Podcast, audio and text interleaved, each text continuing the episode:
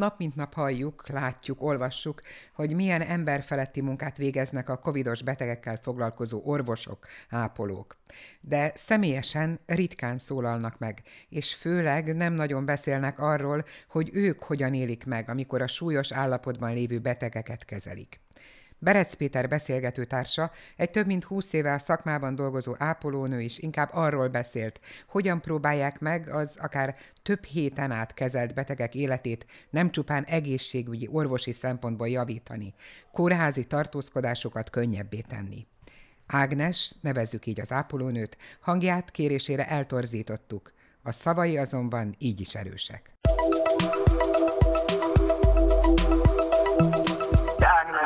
45 éves, az egészségügyben mondhatni úgy, hogy lassan 30 éve dolgozom. Én egy utai részen található koronás betegek ápolásával foglalkozó osztályon dolgozom. A reggelünk úgy indul, hogy bemegyünk, utcai ruhába átöltözünk, felveszünk egy papír zsilipruhát, a tiszta téren úgynevezett hátteresek, öltöztetőink vannak, akik mindig segítenek az átöltözésben, hogy maga a piros zónába, ahol bemegyünk, ahol a fertőzöttek vannak, már csak teljes védőfelszerelésben legyünk. A védőfelszerelés több részből áll, attól függ, hogy éppen aznak kinek mi a feladata, vagy overába kell bújnunk, vagy a zsűriába egy ilyen zöld köpent kell még fölvennünk, dupla gumikesztyű, illetve FFP2-es vagy FFP3-as maszkot kell fölvennünk védőszemüveggel. Amit szoktak még látni a híradásokban, van egy úgynevezett arcpajzs, amit a fejünk tetején meg kell húzni, arcunk elé tenni. Csúnyán néz ki az arcbőrünk egy-egy szolgálat után, mert hogy nyomot hagy a maszk az orrunkon, illetve maga az FFP maszknak, ahogy illeszkedik szorosan az arcbőréhez.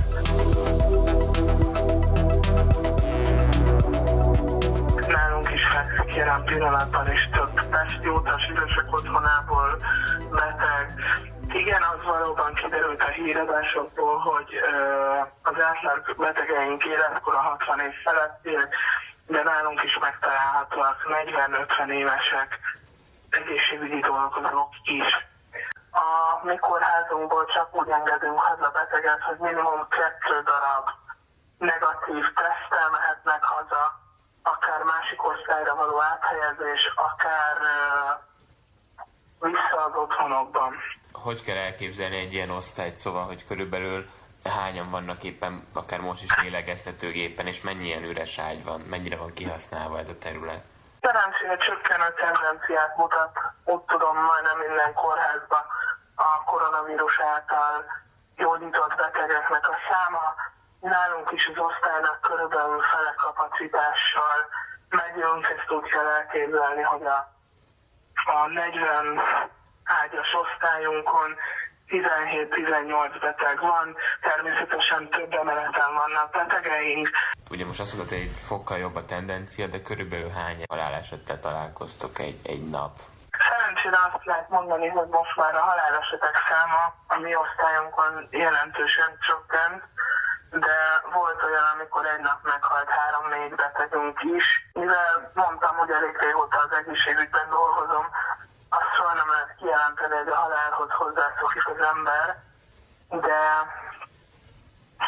igaziból amikor bekerültek hozzánk, még az elején nem fűzöttünk hozzájuk, mert uh, rövid időt töltöttek velünk az osztályon, még most már van, aki kettő, három, akár négy hete is bent van, megismertük őket, az életüket, mesélnek nagyon sokat, mert fel kell oldani őket ugye az alól, hogy ne féljenek, elmondjuk nekik, hogy a maszk mögött is mosolygunk, bármikor fordulhatnak hozzánk, segítünk mindenben nekik, de sajnos a kezelések elején napi szinten voltak halálesetek. Sajnos abból a szempontból még pszichésen kiszolgáltatottabb helyzetben vannak a betegeink, hogy ugye nincsen látogatás, ezáltal a hozzátartozóikkal nem tudnak semmilyen szinten maximum telefonon érintkezni, ők beadják a csomagot a kórház bejáratánál, onnan feljutatják az osztályokra a csomagokat. Nagyon fontos a betegeknek jelenleg, hogy foglalkozzunk magán a pszichés vezetésükkel is, hogy ne hospitalizálódjanak el a 2-4 hetes kórházi bentartózkodások idejére.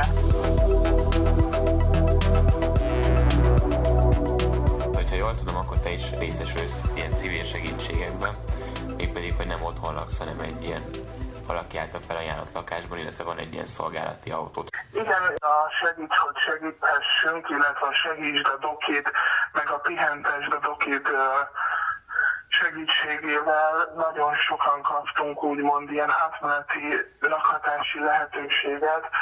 Felajánlották, akiknek jelenleg ugye a turizmus csökkenése miatt ezek az ingatlanjaik üresen állnak. Nekünk ez nagyon nagy segítség, hogy én is ne vigyem haza a családomnak a vírust, bár ugye nincs igazolva, hogy jelenleg én bennem bennem van, vagy bennem volt. Nagyon-nagyon pozitívan vettük ezeket a segítségeket. Ugye az autót is otthon hagytam jelenleg a férjem jár a saját autónkkal, és így én is a munkába járást meg tudom oldani egy nagyon kedves család által, aki felajánlott egy autót.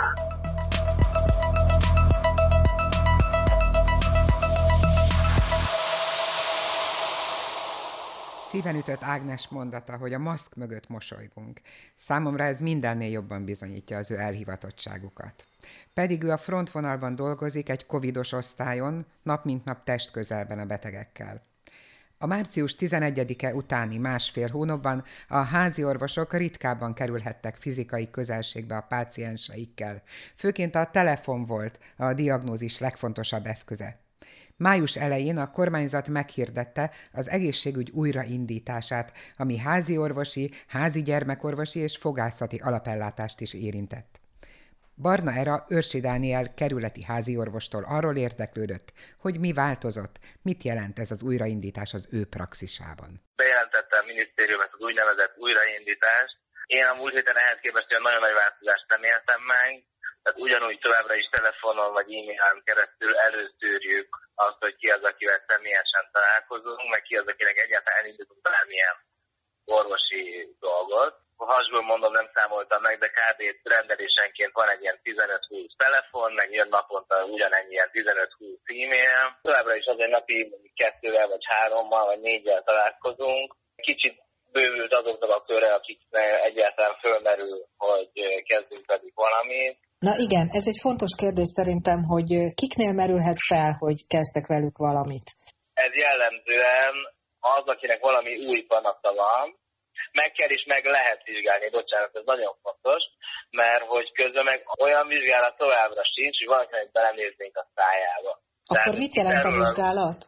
A vizsgálatot az összes többi szervet tudjuk vizsgálni, fizikális vizsgálatot jelenti a vizsgálat, feje tetejétől a lába ujjáig van mit vizsgálni a betegeken, egyedül a torkot, szájat nem vizsgáljuk, tehát ugye az a szabály, hogy a betegen mindig kell, hogy legyen szájmat orvosok kaptatok most maszkot, kesztyűt, akár arra, hogy ti magatok hordjátok, akár arra, hogy ha egy olyan beteg jön, akit meg kell vizsgálni, de nála nincs maszk, akkor meg lehessen vizsgálni? Igen, van a sebészi szájmaszkunk, de mondjuk ilyen, ilyen április eleje fele fordult, fordult elő utoljára. Másik, ami nagyon fontos rendelőbelépés előtt az, a, az a, az alkoholos kézmosás. Ki is van készítve erre a célra egy ilyen kétfertőtlenítős adagolós valami, és hogy ezt is általában nem kell kétszer mondani, mert az emberek örülnek, hogy lehetőség van erre. Nekem az a tapasztalat, hogy az emberek túlnyomó többsége az, az abszolút együttműködik ezekkel az óvintézkedésekkel. Tudsz mondani néhány olyan példát, hogy mondjuk milyen esetek voltak azok, amikor azt kérted, hogy de igen, a helyzet ellenére is, vagy ezzel együtt menjen be és hadd vizsgáld meg? Volt egy páciensem, akinek volt egy epeműtéte még márciusban, és most vette észre, hogy benne maradt egy varrat a hasában. Ez teljesen természetes, hogy ilyenkor a, a házi orvos kiveszi a varratot, hogy nem, ne kelljen már a sebét hajkurászni, tehát nyilván ez nem egy telefonon keresztül, vagy én még legalábbis nekem nincsen olyan applikáció az okos telefonon, ami ki lehetne szedni számból egy ilyen varratot. Akkor volt egy páciens, aki szíveléktelen volt, sajnos, és akkor az ő kezelése miatt egy másiknak a szorító melkasi fájdalma volt, aztán kiderült, hogy nincsen infarktus, de nyilván őt meg kellett vizsgálni. Volt egy, akinek övsömör lett az arcán ráadásul, amit egy nagyon kellemetlen dolog. Ezt még pont lehetett volna a telefonon keresztül, mert egy ilyen bőrszünetet azt lehet fotózni. De egyrészt szörnyű. Ezt nem tudom eléggé ecsetelni, hogy mennyire nem ugyanaz. Akár egy jó minőségű fénykép alapján is diagnosztizálni, mint hogy tényleg magát a pácienst vizsgálom. Mennyire fogadják el a betegeit jellemzően, el. hogy most nem lehet személyes kontaktusra nem kerülhet sor? Jellemzően elfogadják, sőt túlságosan is elfogadják. Ez mit jelent? Ez alatt azt értem, hogy még azok se jelentkeznek, akikkel egyébként kéne. Véletlenül derülnek ki olyan ügyek, amikkel foglalkozni kéne járvány idején is. És hogy igazából nem is tudom, hogy mennyire aggódjak, mert hogy most arról beszélünk azokról az emberekről, akikkel nem találkozom, és ezért nem tudom, hogy van-e bajuk, vagy nincs bajuk. Azt hiszik, hogy nem lehet most orvoshoz menni, pedig azért határok között, de hogy azért lehet, sőt kell is egy csomó esetben. Neked van arra lehetőséged, hogy mondjuk a krónikus betegek esetében, akik visszajáró betegeid, és régóta ismered őket, hogy akár te kezdeményezd azt, hogy felhívd őket? És... Persze, azt a néhányat, aki a járvány kitörése előtti hetekben is instabil volt, 10 vagy 20 ember, őket már rég fölhívtuk. Na, de kicsit több mint 2000 ember tartozik az én praxisomhoz. Ebből a 2000-ből hát legalább 500-nak van valamilyen krónikus betegsége, kisebb, nagyobb. Van az a 10-15 nagyon idős, egyedül élő, állandó ápolásra szoruló páciensünk, őkről is meg tudtuk kérdezni, hogy minden rendben van-e, hogy van-e, aki azért bevásárol nekik, stb. De hogy van a többi 500, aki a járvány előtt stabil volt, és hát nem tudhatom, hogy melyik az, aki most esetleg elborult a szénhidrát tehát hogy sok lett a cukra, amilyen romlott az érszűkülete, nem is beszélve a pszichiátriai betegekről, de az nem reális, hogy 500 embert így végig kívjuk, hogy minden rendben van-e. Van olyan beteged, akiről konkrétan tudod azt, hogy koronavírusos? Kettő ember volt összesen, akikről bizonyított volt. Mindeket jól vannak, ha túl vannak rajta és még a járvány elején voltak hárman vagy négyen, akiknek nagyon gyanús tüneteik voltak, de az akkori eljárás még nem tette lehetővé, hogy azért végezzek vírusdiagnosztikát, mert arra gondolok, és akkor ők szépen otthon végigcsinálták a lázas köhögős állapotot, és egyik hűsznek se lett olyan nagy baja, hogy kórházba kellett volna küldeni, tehát nálam nem volt senki, akinek kórházba, kórház lett volna a vége. Érzékelsz valami olyan fajta változást, hogy vannak olyanok, akiknek kifejezetten nehéz pszichikailag, mentálisan ez a mostani helyzet, vagy annyira szoronganak a mostani helyzet miatt, hogy tulajdonképpen jó lenne őket akár szakorvoshoz tovább irányítani? Érzékelek. Az én személyes tapasztalatom az, hogy nem is feltétlenül a beállított kezelt pszichiátriai betegek vannak most a leginkább, vagy őket tartom a leginkább sérülékenynek. Most mint azok, akiknek esetleg nem ismert, hogy hangulatzavaruk van, vagy korábban nem is volt annyira veszélyes, vagy annyira intenzív ez a zavar, hogy emiatt gyógyszert kellett volna beállítani a betegnek, de most ugye a krízis hatására megborulnak, és felerősödik a tünetük, és hogy akkor ilyenkor nehéz kérdés, igen, hogy akkor most elkezdjünk egy pszichiátriai kezelést, mindig ezt kell eldönteni, hogy az a reakció, amit a páciensen látok, az arányban van-e azzal a hatással, amit ő, ami őt érte. Ha akinek halálását történt a családjában, és utána lehangol, akkor ő nem egy depressziós beteg, hanem ő most gyászol, és hogy ez normális. És hogy ez van most is, tehát hogy most ért mindjárt egy krízis ezzel a járványjal, van emiatt egy csomó vesztességünk, és ne tartsák vissza magukba a páciensek ezeket a, az aggodalmakat, mert hát azért vagyunk, hogy segítsünk. Őrsi Dániel a házi orvosi ellátás újraindulásának a tapasztalatairól beszélt Barna Erának. Május 4-től a miniszteri rendelkezésnek megfelelően a járó beteg szakellátás is újraindult, szigorú óvintézkedések mellett. Ennek alapján a Mester utcai szakrendelő is fogadja a betegeket. Bemehet-e bárki, bármikor, milyen feltételekkel vehetjük igénybe az egészségügyi intézmény szolgáltatásait? Erre voltam kíváncsi. Így interjút beszéltem meg dr. Kovács József igazgatóval és dr. Mekler András igazgató helyettessel. Amikor az interjúra igyekeztem maszkban, kesztyűben, azt láttam, hogy a betegek fegyelmezetten tartva a másfél-két méteres távolságot várakoznak a belépésre. Mielőtt azonban az épületbe jutottunk volna, egy nővér megkérdezte, hová mennénk, egy másik nővér hőmérsékletet mért, és a kezünkre fertőtlenítő folyadékot is permeteztek.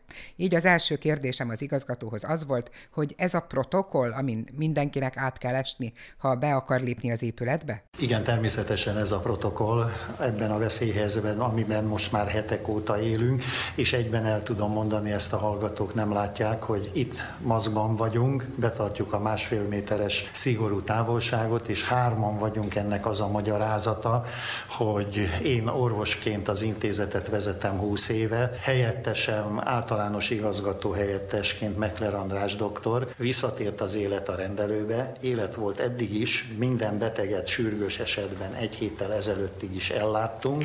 De voltak olyan szakrendelések, amelyek nem működtek, hogyha jól emlékszem.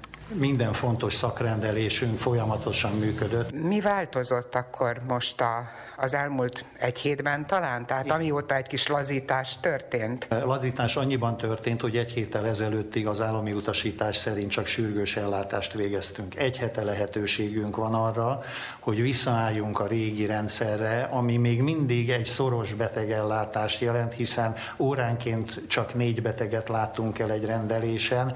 Ezt megelőzően e, folyamatosan ellenőrizzük a belépő betegeket, előjegyzés alapján a vizsgálat vizsgálatok megindultak, és minden, minden rendeletet folyamatosan betartunk, hogy teljes mértékben visszaálljon az, ami a betegség, illetve a vírus előtt a kerületi lakosok ellátását biztosította. Ha van egy beteg, akinek még március elejéről van beutalója a szakrendelőbe, akkor neki most újra telefonálnia kell, esetleg új beutalót kell kérni, vagy pedig milyen módon juthat el az orvoshoz. Tehát abszolút a praktikus oldalára vagyok most kíváncsi. Jelen pillanatban be kell jelentkezni telefonon az adott rendelésre. Én fél órával ezelőtt jártam véget, végig az épületet, számos helyen voltam, laboratóriumban, egyéb helyeken.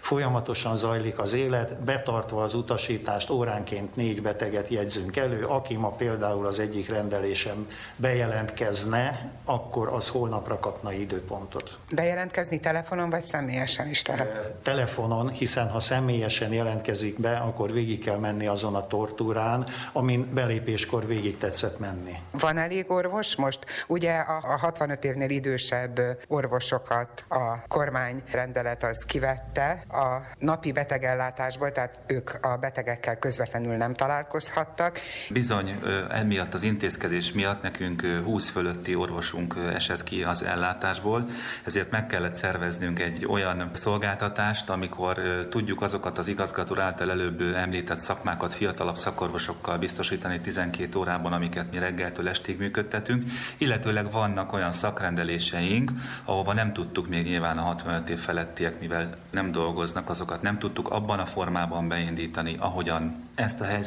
megelőzően működtek. Tudni kell azért, hogy a 65 év feletti orvosok önkéntes alapon visszajöhetnek dolgozni, de nem jellemző tendencia. Előfordul, hogy valaki szeretne jönni, de azért nem ez a jellemző. És van a szakdolgozókat érintően is egy komoly intézkedés. Tudnélik az Országos Korányi Pulmológiai Intézetbe számos olyan végzettségű szakdolgozónkat kellett kirendelni a valóban koronavírusos betegek ellátására, akik előtte itt különböző területeken tevékenykedtek, tehát nem csak az orvosokat érinti ez a létszámkérdés, hanem a szakszemélyzetet is. Ez két fő intenzív szakápoló végzettséggel rendelkező szakdolgozót jelent, illetve öt fő ápolót, ami nem tűnik így elsőre egy magas számnak, de ha azt mondjuk, hogy ők tartósan ki vannak rendelve, és mondjuk az ottani tevékenységüket szünet nélkül, tehát mi ezt igyekeztünk úgy megszervezni, hogy őket is tudjuk váltani egyéb dolgozókkal, úgy viszont már egy nagyobb kontingenst igényel, hogy folyamatosan cserélni szeretnénk lehetőséget adni nekik a pihenésre, ugye nem ehhez a terheléshez vannak azért a szakdolgozóink hozzászokva, itt egy szakrendelői tevékenység egészen más, mint hirtelen nagypéntek előtt csütörtökön azt az utasítást kaptuk, hogy aznap estétől már adott esetben abban a hónapban 12-12 órás éjszakai műszakot lásson el az a szakápoló, vagy intenzív terápiás szakápoló, aki előtte egy szak, szak, asszisztensként tevékenykedett. Hát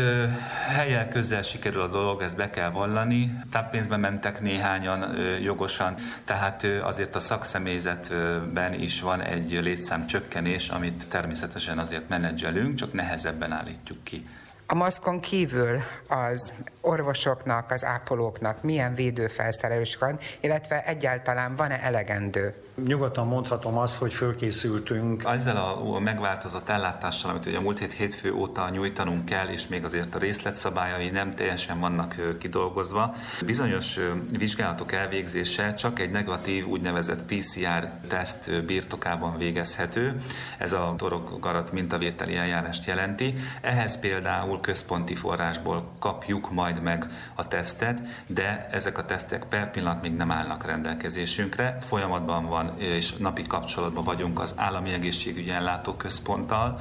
Szakrendelésenként meg van határozva, hogy melyek azok a beavatkozások, amelyek előtt egy negatív PCR-teszt kell, és lehet azt mondani, hogy a napról napra változik ez a lista is, és ez kezd annyira leszűkülni, hogy nem lesz szükségünk annyira nagy számban tesztelésre, mint azt eredetileg gondoltunk. Azokhoz a vizsgálatokhoz, vagy beavatkozásokhoz, amikhez szükséges teszt, ezt önök itt elvégzik, vagy pedig a betegnek eleve gondoskodnia kell arról, hogy a teszt rendelkezésre álljon? Mind a kettő lehetőség adott, tehát természetesen a kötelezettsége az egészségügyi szolgáltatói, azaz a szakorvosi rendelői, de ilyen vizsgálaton már mi is túl vagyunk, amikor a beteg ide a triázsolásnál, ami a bejáratnál történik, bemutatta az ő negatív PCR tesztjét, és már jöhetett is a tükrözéses vizsgálatra. De alapvetően ennek a biztosítása a szakrendelő feladata, erre természetesen mi már fel vagyunk személyzettel, helységgel készülve. A folyamatos védőeszközbiztosítás és a maga a teszt biztosítása az, amikre várunk. Mennyi beteg jelentkezik?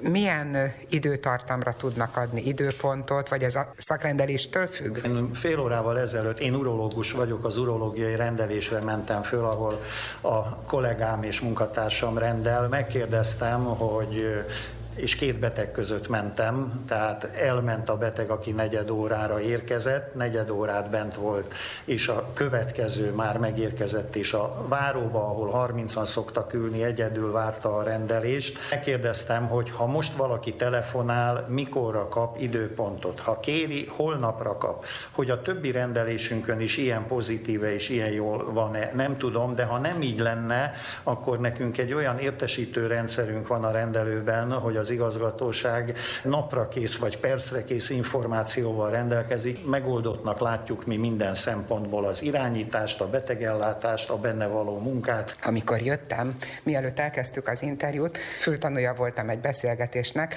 amikor arról volt szó önök között, hogy a polgármester asszony által lehetővé tett tesztelést a 160 embernek, azt majd önök fogják itt végezni. A fővárosi önkormányzat és a kerületi önkormányzat együttműködésében megvalósuló PCR tesztelés keretében 180-65 év feletti tünetmentes kerületi lakos tesztelését végzi el a szakrendelő. Előre láthatólag egy vasárnapi napon zajlik majd ez. Az érintettek egy e-mail címre jelentkezhettek az önkormányzatban, akiket mi értesítünk ki arról, egy kérdőív kitöltése a feltétele a részvételnek, illetőleg a személyes dokumentumoknak a csatolása, és amennyiben itt az akkor is majd elvégzendő triázsolás esetén is egy negatív, tehát betegségmentesnek tűnő páciensről van szó, akkor itt a szakrendelő személyzete a 160 főt egy nap alatt leteszteli. Hát ezért is tettük a hétvégére, mert hogy ezt összeegyeztetni az egyébkénti betegellátással azért nagy kapacitásokat igényelt volna. Ez nem gyors teszt, ez a hivatalos PCR teszt, aminek másnapra van eredménye. Természetesen az érintetteket mi akkor ki fogjuk értesíteni. Az imént dr. Mechler András, a Ferencvárosi Szakrendelő általános igazgató helyettese beszélt. Az interjúban korábban dr. Kovács József igazgató szavait is hallottuk.